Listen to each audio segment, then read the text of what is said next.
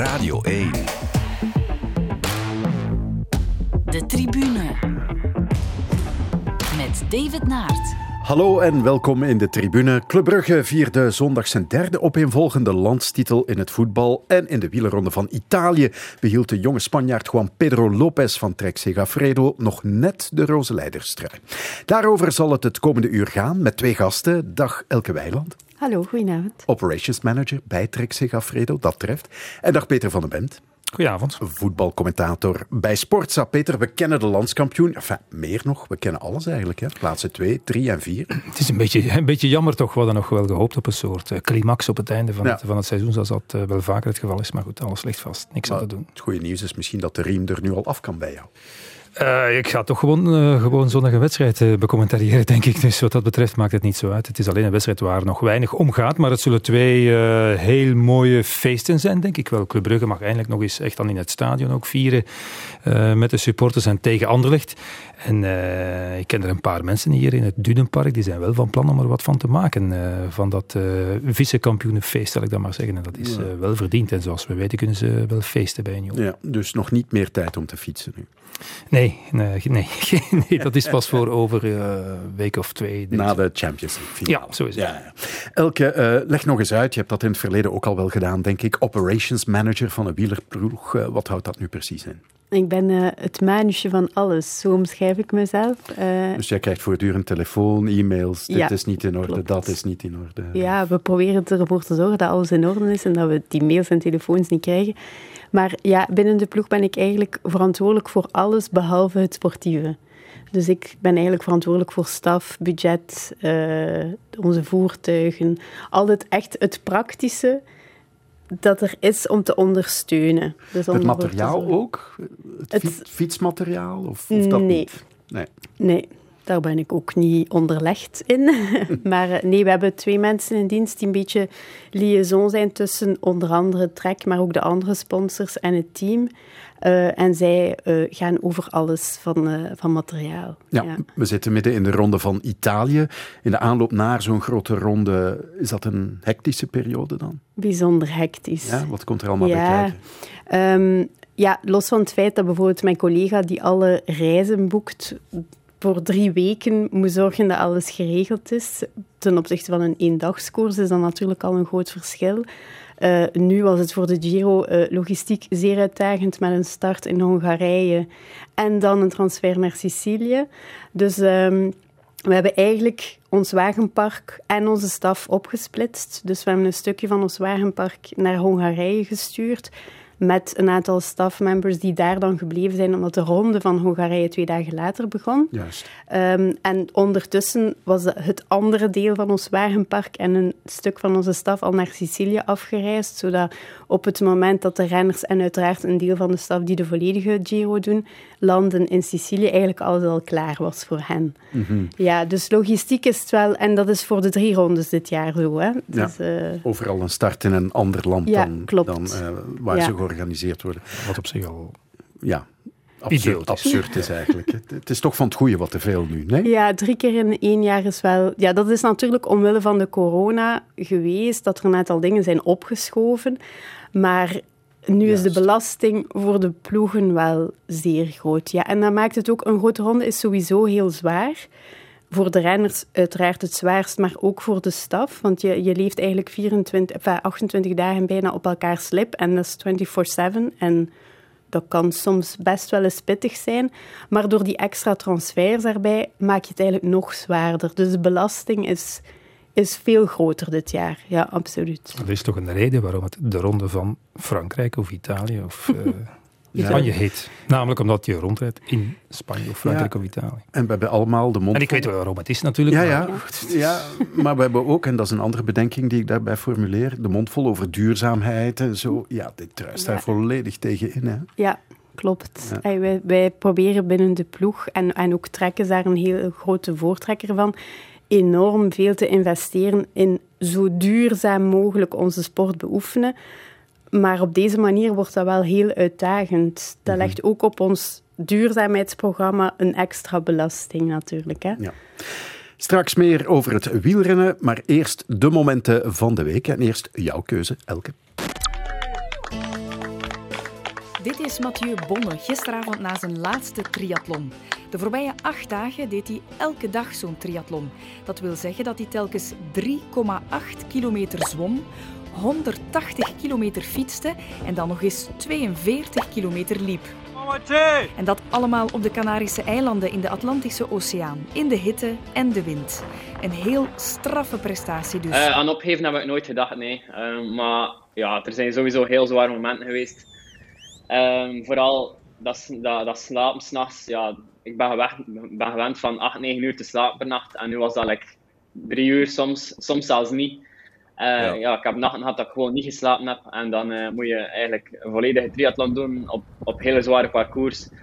En voor dan mentaal daaraan te beginnen, dat is super zwaar. Mathieu Bonne is zijn naam. Hij werkte afgelopen vrijdag zijn achtste triathlon af in acht dagen op ja. acht verschillende Canarische eilanden. Leg eens uit, waarom heb je dit gekozen? Ja, omdat dat een fenomenale prestatie is. En inderdaad, één triathlon vind ik ook fenomenaal. Maar acht en dan acht na elkaar. En ook daar de logistiek van telkens van eiland naar eiland. Ja, het is een volledige triathlon, hè? Ja. geen kwart of zo. Ja. Dat, ja. Dus dat is een extreme uitdaging die hij zichzelf heeft gesteld. Ik ben super blij voor hem dat hij dat heeft gehaald. Maar tegelijkertijd denk ik, oh maar jongen, toch, waarom doe je dat toch? Ja, en als je dan hoort dat hij dan sommige nachten maar drie uur slaapt of niet, dan denk ik, allee, je lichaam zo verdrijven. Ik kan dat niet. Ik vind dat bewonderenswaardig als je dat kunt, maar ik kan dat niet. Ik loop heel graag en ik fiets heel graag. Ik zal mezelf nooit forceren. Mhm. Ik heb altijd schrik dat ik daarna me niet goed ga voelen. Die gaat zich niet goed gevoeld hebben, hè, maar, maar hij heeft het wel op zijn naam geschreven en ik vind, ja, bewonderenswaardig dat je dat kunt. Ja, chapeau. Ja, ik las dat zijn moeder erg trots is op hem, maar dat ze eigenlijk heel emotioneel is, want dat ze maar niet kan begrijpen waarom hij zo wil afzien. Ja, voilà. Mocht een van mijn kinderen dat doen, ik zou ook trots zijn, hè, absoluut. Maar ik zou ook bang zijn gewoon. Dat, dat, dat je kind zich te ver drijft, er, er over die grenzen gaat. En ja, om daar nu van te herstellen. Die, heeft, die is uiteraard zal hij goede genen hebben, hè? goede genen hebben, anders doe je dat niet. Of kun je dat niet. Maar toch om daarvan terug te komen, poef, ja. Ja. Ja, fenomenaal. Ja, want uh, blijkbaar is hij er erg maniacaal mee bezig. Hij, hij timet ook wanneer hij eet, wat hij eet, gedoseerd bijna tot ja, de gram. Ik denk dat dat moet. Ja. Dat, dat, dat je op zo... Het is al zo'n extreme uitdaging dat je moet zorgen dat alle, alle details moeten goed zitten. Want als je één foutje maakt, dan kan dat het verschil zijn tussen je uitdaging halen Mhm. of het niet halen. En als, zeker als je daar zo maniacaal mee bezig bent, dan moet je zorgen dat het klopt, want anders gaat het in je hoofd al mis van "Ah, ik heb iets, ik heb iets fout gedaan. En dat kan ook, hij zei het, hè, het is een mentaal zeer zware uitdaging geweest. Ik kan me dat voorstellen. Mhm. Vecht voortdurend tegen jezelf. Het kadert in, de, in onze tijdsgeest. Hè. Eh, Mensen zoeken altijd maar extremere uitdagingen. Ja. Dus eh, dat eh, past daar wel in. Zo, ja. Eén triathlon, wat ik inderdaad, ik heb eh, helemaal aan het begin van mijn carrière heb ik nog verslag uitgebracht over het triathlon. Dus ik heb wel eens vaker aan de aankomst gestaan van een halve of een eh, hele inderdaad. En ook daar kwamen eh, al, al mensen toe als lijken bij wijze van Ja. spreken. Dus dat zag je dat dat al een extreme inspanning is. Een marathon is al een extreme inspanning eigenlijk voor het menselijk lichaam. En zeker als het dan al een beetje warmer is. Als je daar dan nog eens eerst fietsen en, en dat eh, loodzware zwemmen aan Zwemmen. toevoegt. Mm. En dat acht dagen aan elkaar, ja, dat is toch niet normaal. Ja, straffe stoot. We gaan eens luisteren naar jouw moment, Peter. Maar dat resultaat kwam in de eerste weken niet en dan werd het wat onrustig. Heb jij jezelf zorgen gemaakt? Nee, ik heb me geen zorgen gemaakt omdat eh, van buitenaf eh, is er wat onrust gecreëerd door dingen die geschreven zijn. Maar binnen de club is het altijd rustig geweest en is men eigenlijk eh, altijd heel positief geweest over, over heel de werking. Waar dat we ook in die eerste twee maanden 17 COVID-gevallen gehad hebben. Dus er waren heel veel spelers afwezig. En die dan twee weken of drie weken weg waren en dan terugkwamen. Het was moeilijk om automatisme te vinden, om de fysieke conditie te verbeteren. En al die dingen. En dat wist iedereen binnen de club ook.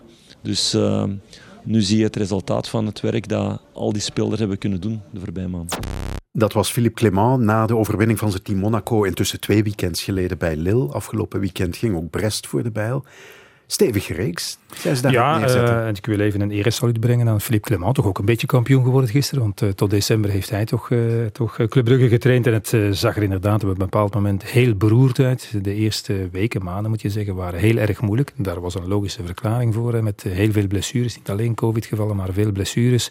Ze werden uitgeschakeld in de, in de Europa League door Braga. Ze werden uitgeschakeld in, in de beker. Want hij ging er naartoe. En het was een prachtig project. Want je mag naar Monaco. Je kon nog meteen achtste finale Europa League spelen.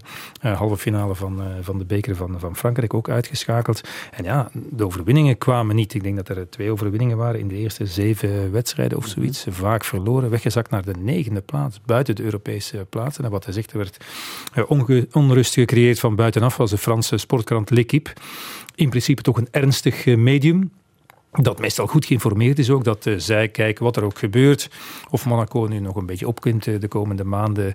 Eh, de grote baas heeft beslist. Er komt een nieuwe trainer, een sportief directeur moet buiten grote schoonmaak, tabula rasa. Dus het einde van Philippe Clement was daar al voorspeld. Hebben ze in de weken nadien nog volgehouden.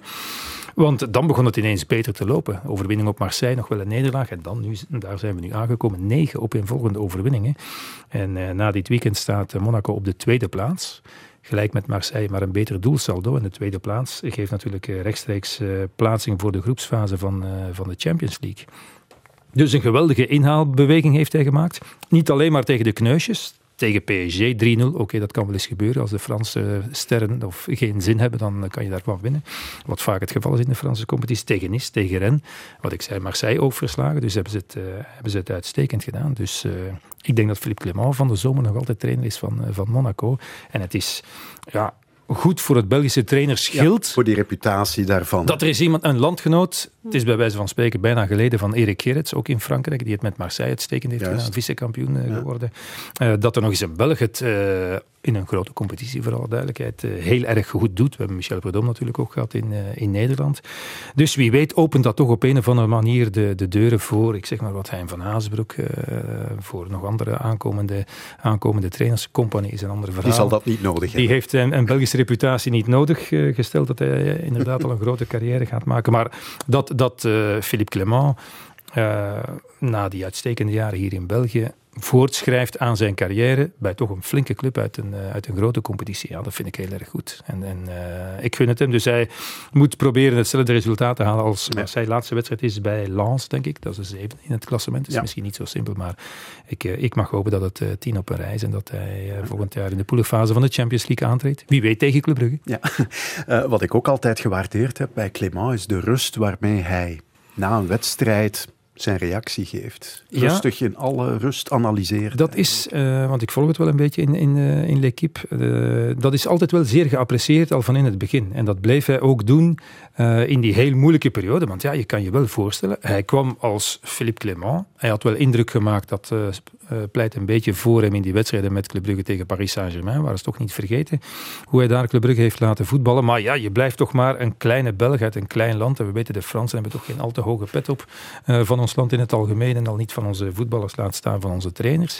Dus als je dan in de eerste maanden van het, van het seizoen, het, eh, van, van, van, je, van je aankomst, het niet de beste doet, is dat toch niet zo simpel.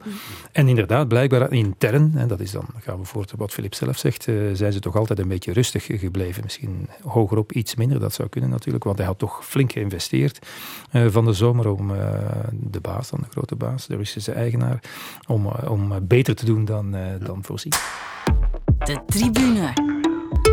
18 keer landskampioen, de laatste zeven jaar vijf keer kampioen. Dat zijn toch wel indrukwekkende cijfers voor Club Brugge. Oké, we komen in, eh, in de geschiedenis met, met drie ti- titels op rij. Maar ik zou er ook weer heel graag vier van maken volgend jaar. What does a Scottishman do to celebrate the title win? What does he drink? Hallo. Een 10 op 10, zeker. Eh, eigenlijk een 11 op 10. Echt, het zonnetje schijnt. We gewonnen tegen fucking Antwerpen. Ja. kampioen! Inderdaad, we zijn kampioen. Dat ze de titel op Antwerp konden vieren, deed deze supporters duidelijk deugd. Maar eh, Peter, ehm, terugkijkend op het seizoen eigenlijk, hoe zou jij deze titel van club omschrijven? Ja, als een moeizame eigenlijk. Als een waarvoor ze hebben moeten strijden en, en misschien uh, meer de mouwen hebben opgestroopt dan dat ze hebben geschitterd. Ik vond dat uh, Club Brugge, ik heb het al een paar keer gezegd, zijn allerbeste wedstrijden, echt heel goede wedstrijden, uh, gespeeld heeft in de Champions League. en de eerste fase dan, dan van de Champions League, toen we inderdaad dachten, als Club Brugge dat niveau ook nog aanhaalt, of aanhoudt in, in de Belgische competitie, dan vliegen ze er weer door natuurlijk. En ja, achteraf moet je zeggen, dat had ook gekund. Waren daar niet Union geweest, waren ze alles bij elkaar toch weer doorgevlogen. Maar goed, uh, wat Club Brugge dan wel kan, en dat heeft te maken met de financiële mogelijkheden, is een, een mislukte zomermercato corrigeren. Daarvoor hebben ze dan het geld. En, en uh, dat is ook goed gewerkt, hè, want de, de vier wintertransfers hebben allemaal hun, uh, hun deel mhm. bijgedragen tot de remonte. Samen ook met, met de trainer. En uh, hoe je het ook draait of keert, je kan natuurlijk die eindsprint die Club heeft ingezet, die 12 punten kloof die ze hebben goed gemaakt op Union, niet minimaliseren. En we weten wel, als je elke wedstrijd apart gaat bekijken, dan, dan is daar uiteraard Simon Mignolet, en als je topclub bent en de allerbeste van allemaal is je doelman, dan weet je meteen dat je er toch niet echt bovenuit hebt eh, gestoken. Maar goed, hij is deel van, eh, van de ploeg en ze hebben erin geïnvesteerd en dat heeft eh, gerendeerd natuurlijk. En, en ja, op bepaalde momenten, dat gaf Hans van Aken gisteren ook toe, de penalty van Van Zijr, al kan je ook zeggen, het was er eigenlijk geen. Dus het was maar juist dat hij gemist werd, bij wijze van spreken. Uh, de, de, de uitsluiting op, op Club Brugge enzovoort enzovoort. Op een paar key moments, als het dicht bij elkaar ligt, is dat belangrijk. Heeft Club Brugge toch een klein beetje uh, meeval gehad. En dat heeft gemaakt dat ze weer kampioen zijn geworden. Maar, nog een keer, ze hebben uiteindelijk meer gescoord dan Union. Ja. Want die vijf doelpunten van Beerschot moet je eraf trekken natuurlijk. Dus ze hebben meer doelpunten gemaakt. Ze, hebben, uh, ze zijn zeer standvastig geworden defensief onder, onder Schreuder. Uh, ik zei het, ze hebben het, ze hebben het puntentotaal gehaald. Eigenlijk hebben ze de halvering ook overwonnen. Het is niet omdat de punten gehalveerd zijn dat ze nog voorbij Union zijn geraakt. Nee, zonder de halvering Oké, in het hoofd misschien was dat wel, maar waren ze er ook voorbij geraakt. Dus dat, al dat soort, uh, of al die elementen opgeteld maken, dat uh, Club Brugge wel ook terecht bovenaan staat. Ja, of niet gestolen heeft. Ja, had jij dit zien aankomen in de winterstop, toen het er uh, toch een beetje benard uitzag? Clement die dan ook vertrok, Schreuder komt, die zijn tijd nodig had om het eigenlijk een beetje te zetten allemaal? Bah, ik zou zeggen ja en nee. Omdat wij toch, we moeten dat toch eerlijk zeggen, de hele tijd zaten te wachten. Ik bedoel, verwachten. Dat is anders dan zitten te wachten. Verwachten dat Union op een bepaald moment toch zou beginnen struikelen. We dachten dat al in het najaar, dan dachten we dat net na de winterstop, dan dachten we dat in dat zware vierluik, enzovoort, enzovoort. En, en om, omdat uh, Union maar bleef spelen, op die manier en, en ook op het veld van Club Brugge eigenlijk veruit de betere ploeg was. Altijd had moeten winnen. Eh, in plaats van 0-0 spelen waren dan niet geweest Timon Mignolet. Hè. En Club Brugge op dat moment toch een heel moeilijke periode had. Mentaal een klap kreeg door die twee nederlagen tegen, tegen Agent. En niet het niveau haalde waarvan je vond uh, dat gaat volstaan om uh, iedereen weer te overvleugelen en kampioen te worden. Dus ik heb daar zeker aan getwijfeld dat het Club Brugge zou zijn. En ik zal meer zeggen, eigenlijk ook in de play-offs na de eerste twee wedstrijden, weet ik dat ik tegen collega's zei, tegen Gert Verheij bijvoorbeeld, ja, uh, met dit niveau gaat Club Brugge geen kampioen worden. Dit is niet, dit is niet voldoende om Union te kloppen. En ik zou zeggen, ja, dat was eigenlijk het geval. Alleen ja, door omstandigheden en door een uitstekende Mignolet was het uiteindelijk toch genoeg. En, en uh, wat Club Brugge wel heeft gedaan onder, onder, onder Philippe Clement, uiteraard, onder die van Leek ook bij, bij een vorige titel, uh, is, is beter, is, is, was aantrekkelijker voetbal, was dominanter voetbal dan het dit seizoen heeft, heeft kunnen doen. Maar goed, ja. dat is dan de, de métier en de, en de klasse ook wel van een aantal mensen, ook Hans van Aken bijvoorbeeld. Ja. Wat, wat dan toch volstaat. En ik zou zeggen, dat is misschien een klein beetje zorgwekkend voor de concurrentie, want ja, uh, Club Brugge gaat volgend jaar misschien wel weer een heel stuk beter zijn een beetje de kern misschien verfrissen. Minder moeten zoeken. Oké, er komt wel een nieuwe trainer, dus zou het wel eens kunnen dat ze dan weer veel te sterk zijn voor de concurrentie. Ja, um, het dominante voetbal. Hè. De, de voorzitter, Bart Verhagen, predikte gisteren na de wedstrijd uh, op Antwerp ook gedurfd en aanvallend voetbal. Dat moet overal zo zijn in de Belgische competitie. Ja. Net na een seizoen waarin zijn eigen team dat, zoals je zei, minder op de mat heeft gebracht. Ja, maar ze streeft daar wel altijd naar. Hè. Het, het, is niet omdat het niet altijd, uh, dat je ernaar streeft, dat het altijd lukt natuurlijk. Dus Club Brugge wil dat zeker, Clement wilde dat en, en uh, Schreuder wilde dat zeker in het begin. Alleen heeft hij toch uh, misschien wel op aangeven van intern eieren voor zijn geld gekozen, wat hij zelf ook aangaf. De keuzes die hij maakte qua, qua spelers aan de aftrap tegen Union, dat was duidelijk. Dat was in functie van Union. Nu, daar is niks verkeerd mee als het money time is en je denkt dat is de manier waarop wij Union kunnen neutraliseren. Toch een ploeg die blijft indruk maken, daar is niks, niks mis mee. Alleen vond ik dat een verkeerde opmerking van Bart Verhagen omdat, uh, ik zal het nog eens herhalen, wij, wij al een paar jaar, vier, vijf, zes jaar, een, een uh, lichting trainers hebben die positief aanvallend voetbal prediken en voorstaan en dat altijd proberen met hun clubs te spelen. Misschien lukt dat ook niet altijd eh, en is de kwaliteit ook niet altijd even goed. Maar in elk geval de filosofie van die trainers is die. Mm -hmm. En er zijn echt wel heel veel clubs bij ons, vind ik, die proberen ja, dominant aanvallend uh, voetbal te spelen. Je hebt, Racing Genk heeft dat geprobeerd met John van den Brom. Uh, uh, Anderlecht doet dat met Compagnie ook. Ik denk dat Gent dat ook doet met Hein van Haasbroek. Ik heb ze gisteren opgezond. KV Mechelen doet dat met Wouter Franke. En, en op een andere manier natuurlijk, maar door het, de, de, de wurgende pressing die ze uitvoeren, doen eigenlijk ploegen als Cercle Brugge, dat, van de Red Bull School zou je kunnen zeggen, of, of Alexander Blessing van, van Oostende, dat ook. Dus ik vind dat de positieve evolutie in ons voetbal van de voorbije jaren. Dus dat alleen maar, eh, bij wijze van spreken, Club Brugge dat doet. En Union heeft dat in delen van het seizoen gedaan. Er is zeker een periode geweest waarin, waarin het uh, beredeneerder was. En als ik dan toch een verwijt moet maken aan Union, en dat, dat zag ik gisteren ook wel weer in die wedstrijd tegen Anderlecht, en dat maakt deel uit van hun spel, zijn die vele kleine foutjes, ergelijke foutjes, die net niet, te zwaar, niet zwaar genoeg zijn om elkaar te krijgen, maar toch hinderlijk zijn voor de tegenstander. Dus dat is een beetje een, een lelijk kantje van, van Union. Maar Union heeft ook aangevallen. Ja. Union heeft, heeft gedomineerd op Club Brugge. Union begon op de helft van club te spelen in die wedstrijd, uh, in, in de play-offs en ook uh, in de wedstrijd voor de reguliere competitie. Dus, dus die, die, die uitspraak vond ik niet correct. Ja, uh, er was ook nog die uitspraak over Union en Brighton, uh, waar hij nogal wat ongenoegen mee heeft geoogst. We gaan er nog eens naar luisteren. Wat was uw gevoel net voor die play-offs? Want, want het land had plots heel veel uh, charme ook, voelde dat, droeg Union een warm hart toe. Wat voelde u toen? Maar dat was ook terecht. Hè. Ik denk dat Union voetbal brengt, bracht, of brengt nog, het zal morgen hopelijk ook brengen. Maar een voetbal dat, die, ja, die, die, die met de middelen die ze hebben. Maar aan de andere kant, die kijkt daar wel iets anders in. Hè. Dat is Brighton. Hè. Dat is niet Union. Hè. Dat is Brighton dat daar staat. Dat is toch wel een ander verhaal. Hè. Ik, ben daarin, ik ben zakelijk actief in het voetbal. En dan zie je dat dat een club is met veel meer middelen dan wij. Die gebruiken Union voor een bepaald doel in een, een groter verhaal. Dus dan moet je tegen Brighton vechten. Je pense que tout monde a le droit de, de s'exprimer comme il l'entend.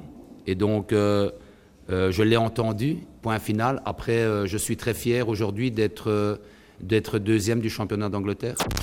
Felicia Mazou altijd uh, gevat in zijn antwoorden. Ja, ik, ik, vroeg mij af, toen ik Verhagen dat hoorde zeggen na de wedstrijd, waarom kom je daar nu mee af? Begreep Op dit moment, je bent kampioen, ah. wees blij.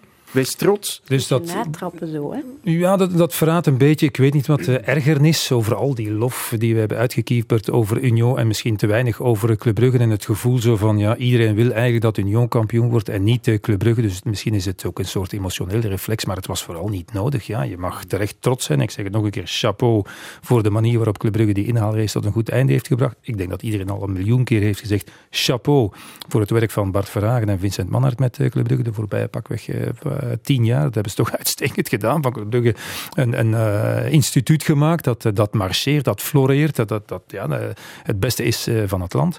En ik heb vandaag begrepen, hebben ze wel een beetje geprobeerd om te nuanceren. Wat hij bedoelde was, ja, uh, Union maakt natuurlijk wel gebruik van, van Brighton. En de, de, bijvoorbeeld de database die Brighton gebruikt om spelers te gaan scouten, dat is vele malen groter dan het scoutingsapparaat bijvoorbeeld maar van, van Club Brugge.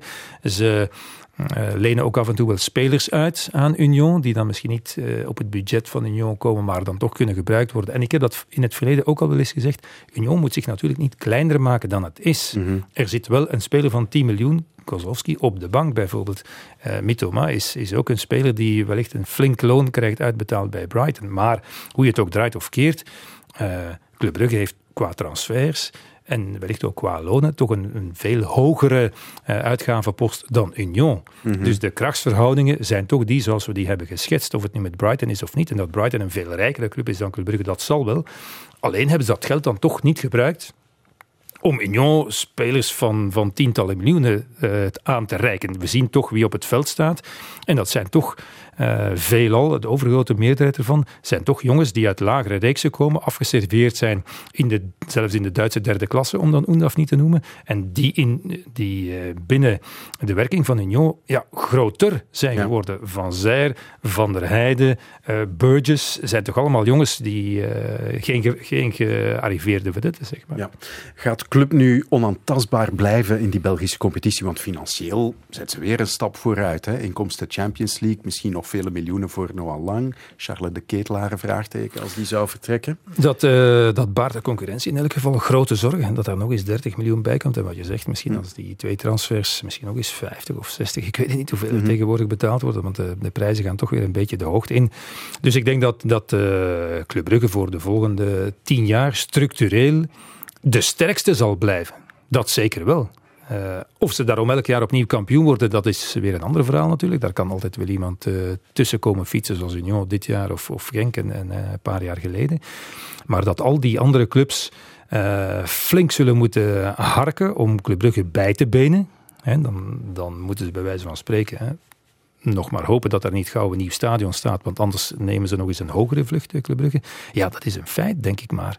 Uh, want want uh, wat ik zei, dat is, de, Club Brugge is de enige club geweest in de hoogste klasse die kon corrigeren in de winterstop.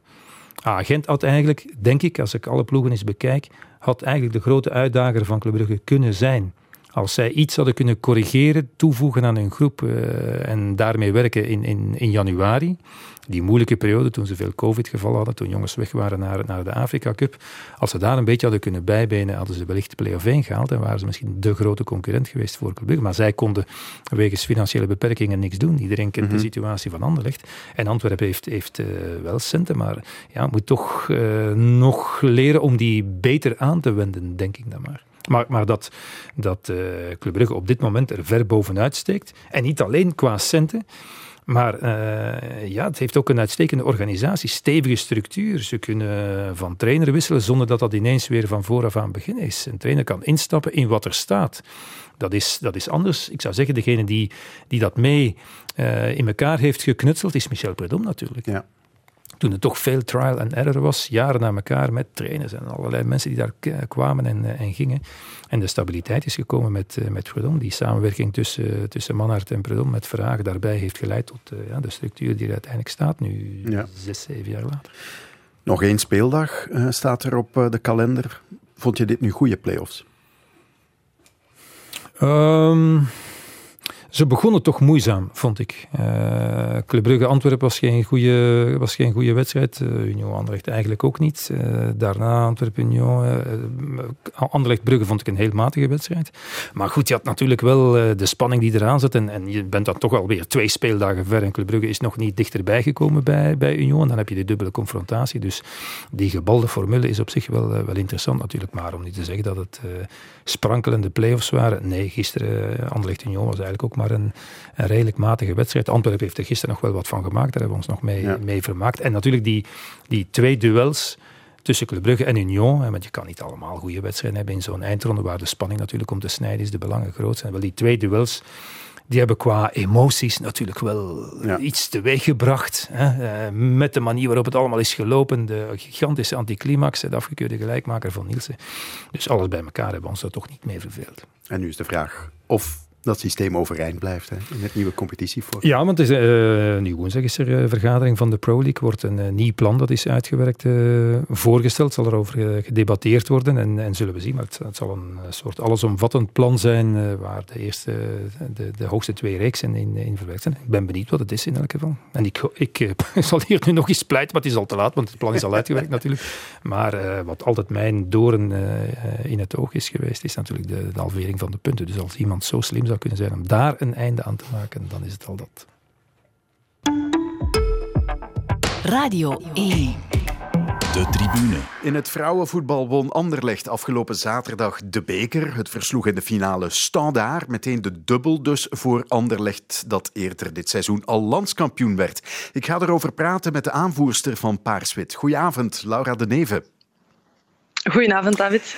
Uh, laten we eens kijken naar het uh, ja, voorbije seizoen, mogen we nu wel zeggen. Uh, jij speelt al heel erg lang bij Anderlecht en dit seizoen voor de vijfde opeenvolgende keer de titel gepakt. Maar Is dit nu volgens jou het moeilijkste seizoen dat je al hebt meegemaakt? Goh, ja, ik denk, ik speel nu 13 jaar bij Anderlecht. Ik denk de eerste seizoenen waren sowieso moeilijker, omdat wij toen niet echt de hegemonie hadden in België. Mm ik denk de laatste vijf jaar um, is dit wel het moeilijkste jaar geweest, waar we toch het meeste tegenstand gekend hebben, denk ik. Dat is waar. Ja, en, en kun je er wat dieper op ingaan? Wat maakt het dan zo moeilijk?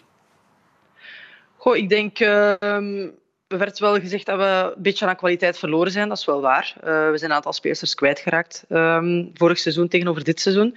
En natuurlijk is het ook zo dat de concurrentie elk jaar sterker wordt. Uh, waardoor dat het um, toch wel spannender is aan de top van de competitie. -hmm. En er waren natuurlijk ook de financiële perikelen die jullie misschien parten hebben gespeeld. De, de besparing die er zat aan te komen, die uiteindelijk weggevallen is. Heeft dat een invloed gehad op, jullie uh, dit seizoen? Goh, ik denk het niet echt, omdat uh, het is niet de eerste keer dat daarover uh, gesproken is. Een aantal jaar geleden uh, was dat ook al het geval. Dus allee, we zijn het eigenlijk al, het is misschien raar om te zeggen, een beetje gewoon dat het vaak over het financiële gaat bij de vrouwen. Uh, dus we hebben ons daar eigenlijk niet echt veel van aangetrokken. En uh, we hebben ons gewoon gefocust op ons twee doelen. En uh, uiteindelijk zijn we wel verdiend kampioen en bekerwinnaar, denk ik. Ja, hoe belangrijk was het om ook die beker nog te winnen? Heel belangrijk. Hè? Ik denk, ehm, in de geschiedenis van de club is dat allee, bij mij weten nog niet voorgevallen, misschien, misschien vroeger. Uh, maar het was toch wel heel belangrijk. Zeker na de teleurstelling van uh, de uitschakeling in de voorronde van de Champions League. Waren deze twee doelen toch echt wel uh, op nummer één in de agenda. Goed, het sportieve gaan we dan even bekijken. Jullie coach het voorbije seizoen was Johan Wallem en Sportweekend had na de bekerfinale een gesprek met hem. We gaan eens luisteren naar een uh, kort fragment. Geschrokken van het verschil tussen mannenvoetbal en vrouwenvoetbal? Ja en nee. Er is veel verschil, maar de parameters zijn niet dezelfde. Dus uh, je moet rekening houden met veel andere dingen. En qua management is het speciaal in het begin. En het is veel emoties. Uh, ja. Uh, ja.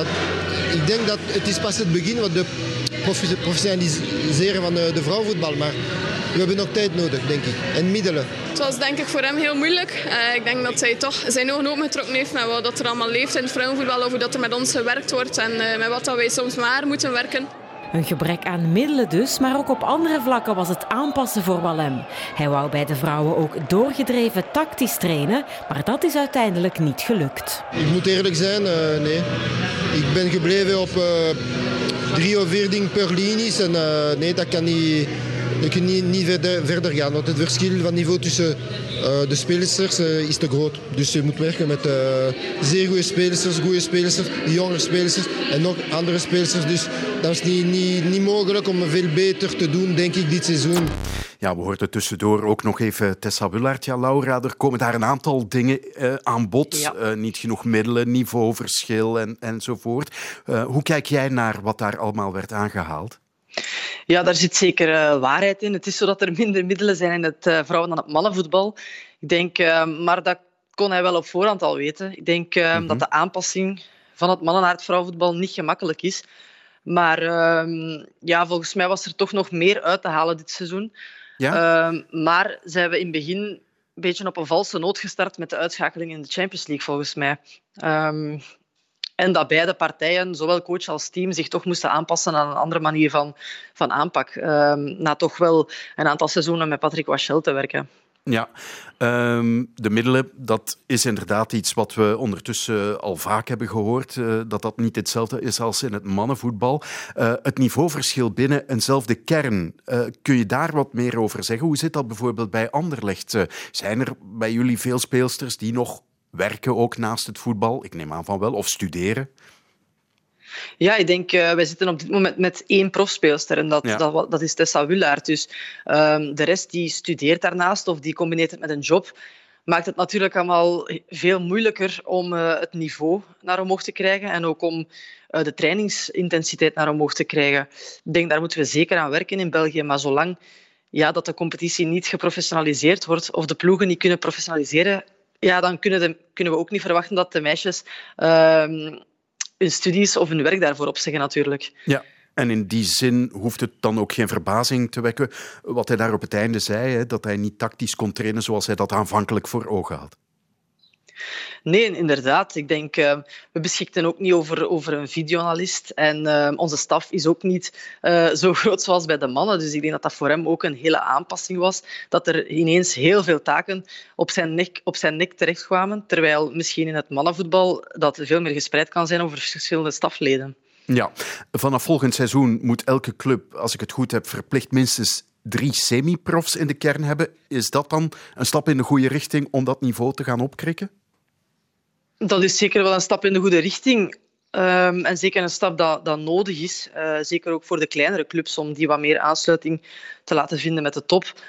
Alleen moeten we ons uh, de vraag stellen of dat elke club financieel um, ja, dat aan kan in feite. En dat ze dan niet enkel zich gaan focussen op die drie, maar ze moeten een hele kern rond krijgen natuurlijk. En uh, als je kijkt naar de budgetten in het vrouwenvoetbal, dan ja, ligt dat veel, veel lager dan in het mannenvoetbal. Dus dat wordt wel een moeilijk verhaal, denk ik. Maar zit daar een evolutie in, in die budgetten? Kun je dat als speelster merken? Daar zit zeker een evolutie in, want uh, we zien zeker dat de faciliteiten en zo omhoog gaan. Ja. Uh, maar ja, over de lonen van de speelsters, daar heb ik weinig kennis van. En ook in de andere teams niet. Dus daar kan ik moeilijk op antwoorden. Maar ik weet wel in Anderlecht dat we zeker en vast omhoog gaan. Um, en dat er ja, toch wel een aantal semi-profs ook tussen zitten bij ons. Ja. Uh, zijn er andere dingen die nog zouden kunnen worden gedaan om het niveau te verbeteren volgens jou? Want alles staat of valt uiteindelijk wel met geld, denk ik. Ja, inderdaad. We kunnen over heel veel zaken praten, maar alles staat, ja, valt inderdaad met geld. Omdat als je geld hebt of sponsors die erin geloven, dan, dan ja, kunnen speelsters opofferingen maken en kunnen ze veel meer gebruik maken van de faciliteiten die dan ter beschikking kunnen gesteld worden. Ik, uh, ik denk maar aan, aan fitness of, of specifieke trainingen, uh, meer aanwezig zijn op de club.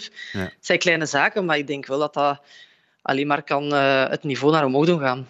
Ja, als we naar Anderlecht kijken, volgend seizoen gaat er wat veranderen. Johan Wallem vertrekt. Weet je al wie zijn opvolger wordt? Uh, nee, dat is nog niet officieel aangekondigd door de club. Dus uh, er wordt gepraat in de wandelgangen, maar zolang er niks officieel uh, op de sociale media verschijnt, ehm, ja, eerst zien en dan geloven zeker. Ja. Zou je dit keer iemand willen die het vrouwenvoetbal echt wel goed kent? Ja, ik denk het toch wel, hè, omdat die omdat die al langer ervaring hebben in het vrouwenvoetbal. En ik denk dat dat wel beter bij ons gaat passen. Ja, en Tessa Willaert, gaat die blijven, denk je? Goh, ik heb geen idee. Ik heb daar met Tessa nog niet over gesproken. Uh, ik denk ook wel dat haar ambitie uh, hoger ligt dan, dan de Belgische competitie. Het ja. zou heel jammer zijn voor ons ploeg, maar uh, ik zeg het, uh, ieder maakt zijn eigen keuzes en ik neem zeker niemand iets kwalijk. Ja, je hebt al een paar keer de vroege uitschakeling in de Champions League ter sprake gebracht dit seizoen. Als we naar volgend seizoen kijken, neem ik aan dat daar dan toch de hoofdambitie ligt om op dat gebied beter te doen? Ja, sowieso. Dat is al enkele jaren zo. Maar ik denk nu zeker met het pakken van de dubbel... Uh, moet dat ons volgende ambitie zijn om een kern uh, samen te stellen die iets langer kan overleven uh, in Europa. Dat is toch wel uh, het hoofddoel, denk ik, volgend jaar. Ja, maar eerst is er het Europees kampioenschap in Engeland met de Red Flames. Daar ga jij ook naartoe. En ik ga ervan uit dat je dit keer wel uh, gaat spelen, neem ik aan. Want je was er ook al bij uh, in 2017, dacht ik. Maar toen niet gespeeld. Ja, ik was erbij in Nederland. Ja. Maar toen heb ik uh, niet gespeeld. En was ik heel blij om er mogen bij te zijn en het mogen mee te maken. En nu hoop ik natuurlijk ook uh, op het veld minuten te maken en daar de ploeg te kunnen te helpen. Ja, wordt iets heel bijzonders, want dat leeft echt wel in Engeland, hè? Vrouwenvoetbal. Ja, Engeland is echt het voetballand bij uitstek. En ook bij de vrouwen, denk ik, uh, leeft dat daar ook wel heel fel. Dus uh, ja, we zijn heel benieuwd uh, hoe dat we daar onthaald gaan worden. En wat ze daar allemaal op poten gaan zetten om het te hypen, toch, het vrouwenvoetbal. Oké, okay, ik ben ook benieuwd met jou en ik wens jullie veel sportief succes toe met de Red Flames en volgend seizoen ook met Anderlecht. Laura de Neve, dank je wel. Bedankt. Dank je wel. Radio 1. De tribune. Peter van den Bemt, jou hebben we al uh, lang aan het woord gehoord. Nu is het tijd om Elke Weiland er weer bij te halen, want we gaan het over de ronde van Italië hebben, waar een renner van jouw ploeg, Trek Segafredo, nog altijd de roze trui heeft. Ruime bocht. Oeh, en de bijna val van Lopez die daar een slipper maakt en op die manier kansloos is, want Kemna versnelt en Kemna gaat de etappe winnen. Gent heeft gegooid naar een ritwinst in de Giro d'Italia. Daar zit nog wat op en Thomas de Gent, winnaar van de Stelvio, wint hier zijn tweede Giro-rit. Het is niet te geloven. De man van de Stelvio. Wel, ik had uh, een paar weken geleden gehoord dat de Giro misschien in 2025 ging eindigen op de Stelvio. En dan lijkt me dat een heel mooi moment om symbolisch daar eh, de fiets aan de haak te hangen. De sprint is ingezet. Een sprint bergop op de blokhuis. Geweldige opknoping. Almeida moet daar de rol wat lossen. Heinley nog altijd op kop, de Australiër. Maar nu komt Carapaz met zijn drieën. Zij aan zij is het de finish. Het is Heinley die wint op de blokhuis. Wat een opknoping. Dan was er nog maar één vraag. Kan Lopez zijn roze trui behouden of niet? En hij houdt die roze trui met een handvol seconden. This is wondering for me. I don't believe in this moment. Uh, for sure, I don't. I don't believe I will stay here in, in the top of Blockhouse before the rest day with the Maglia Rosa. Dat waren enkele impressies van de voorbije week in de Giro. Met op het eind de man die jij dus uh, goed kent, Elke, ja. de leider, Juan Pedro Lopez. Aandoenlijk was dat gisteren. Ja. Hij behield zijn roze trui. Vertel eens, wat voor iemand is dat? Ja, eigenlijk is hij zoals dat je hem deze week al bezig gezien hebt. Het is een, het is een vat vol emotie en een, heel, ja, een open boek eigenlijk. Het is, het is een hele lieve jongen die uh, heel dankbaar is voor, voor alles wat er voor hem gedaan wordt. En die, zoals hij nu zegt, echt een droom beleeft. Dus ik hoor het van de mensen die daar zijn, dat hij echt... Ja, dus... Hij loopt op roze wolkjes eigenlijk. Dus, um, en dat trekt de, de, de rest van de ploeg ook wel mee. Te zien dat hij zo blij is, dat hij zo dankbaar is, dat zorgt ervoor dat iedereen, zowel de renners als de staf, zo nog een extra effort mm -hmm. doen. En ja, iedereen is enorm betrokken. En de roze trui tot over de, rustdag tillen, dat is uh, iets wat we een week geleden niet, niet voor mogelijk hadden gehouden. Mm -hmm. Iedereen dacht eigenlijk, hij zelf in kluis, dat hij hem gisteren zou verliezen. Maar uh, ja, we zijn heel erg trots op de manier waarop hij zich toch heeft blijven vechten. En, en las het op onze eigen website ook, dat hij vertelde dat uh, ja, hij had daar uh, had een achterwiel geraakt en hij verloor dan wat tijd. En dan is hij op zichzelf ingepraat van kom aan, en nu moeten gewoon alles geven en blijven gaan, blijven gaan. En heeft dat gedaan. En ik denk, dat is voor hem heel mooi. Dat is voor de ploeg uiteraard heel mooi. Uh, heel veel visibiliteit voor onze sponsors ook. Maar ik denk dat Tine Spirit, allee, ik hoop dat, dat dat ook jongere renners wel kan inspireren om, om te tonen dat je met de glimlach kunt afzien en, en dat je dat geen enkele droom te groot is eigenlijk. Ja. Uh, mag hij klassementsambities koesteren? Voor deze Giro denk ik dat we daar realistisch in moeten zijn. Nee. Uh, nog niet, nee. Want hij is 24, dus ja. zijn beste jaren liggen nog in het verschiet. Ja, dat, ho dat hopen wij in elk geval. Ja. Uh, maar het is in eerste instantie een klimmer. Ja. In tijdritten verliest hij nog veel. Ook. Ja, hij is heel klein en heel licht. Uh, dus ik denk inderdaad, uh, qua tijdritten, dat zal, uh, daar zal nog wat aan gewerkt moeten worden. bah, zo vertrouwd ben ik niet met zijn tijdrit-skills. Maar um, ja, ik veronderstel dat dat voor hem wel het moeilijkere punt zal zijn. Mm -hmm. Maar hij kan zich duidelijk wel in de vlakke ritten voldoende positioneren om daar alvast geen tijd te verliezen. Dus dat is ook wel een waardevolle skill. En hoe lang zou hij die roze trui nu nog kunnen houden? Wel, mijn bron in de Giro, ik heb even uh, afgetoetst met onze sportdirecteurs daar. Um, ze hopen, nu is het volgende doel, is de volgende zware bergrit halen.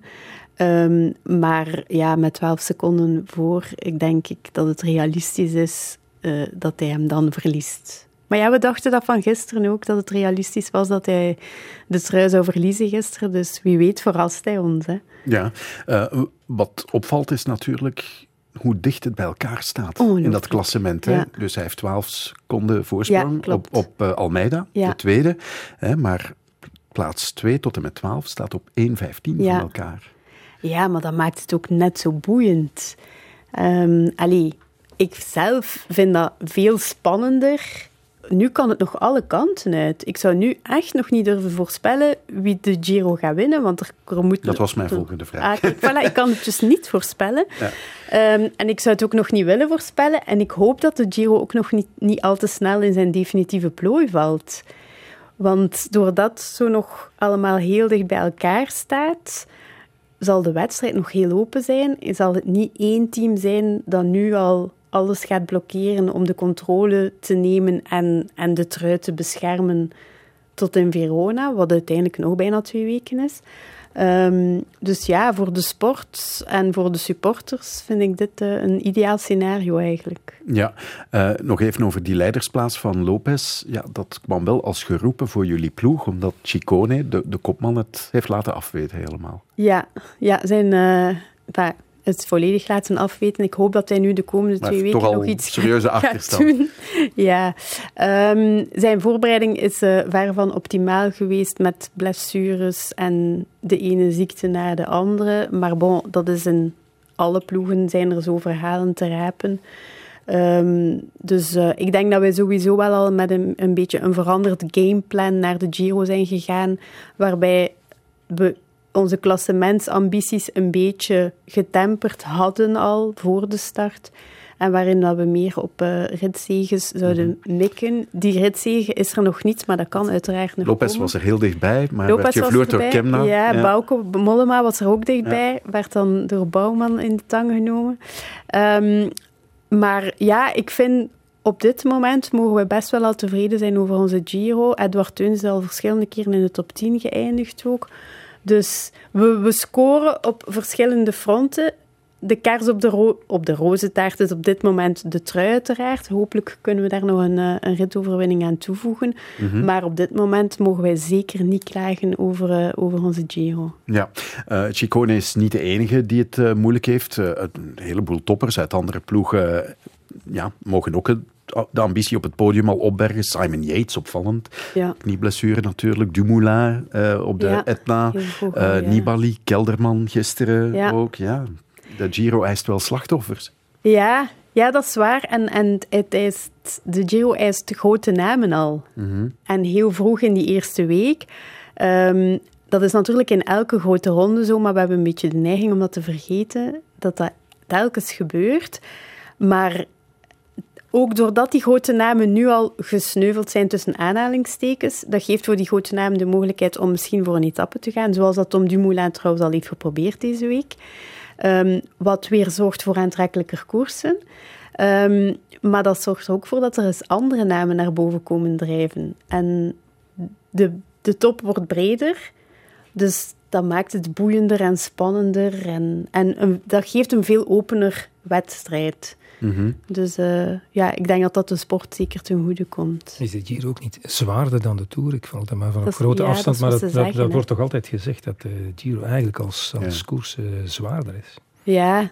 ja, dat is... Ik heb geen een van de twee ooit gereden, dus ik kan het uh, niet uit eigen ondervinding zeggen, uiteraard. Maar dat is inderdaad wat er beweerd wordt, hè, dat de Giro lastiger is. En ja, dat de beklimmingen lastiger zijn. En het weer is vaak ook minder optimaal, alhoewel dat ze deze eerste week al in, in um, zeker nog niet hebben mogen uh, klagen.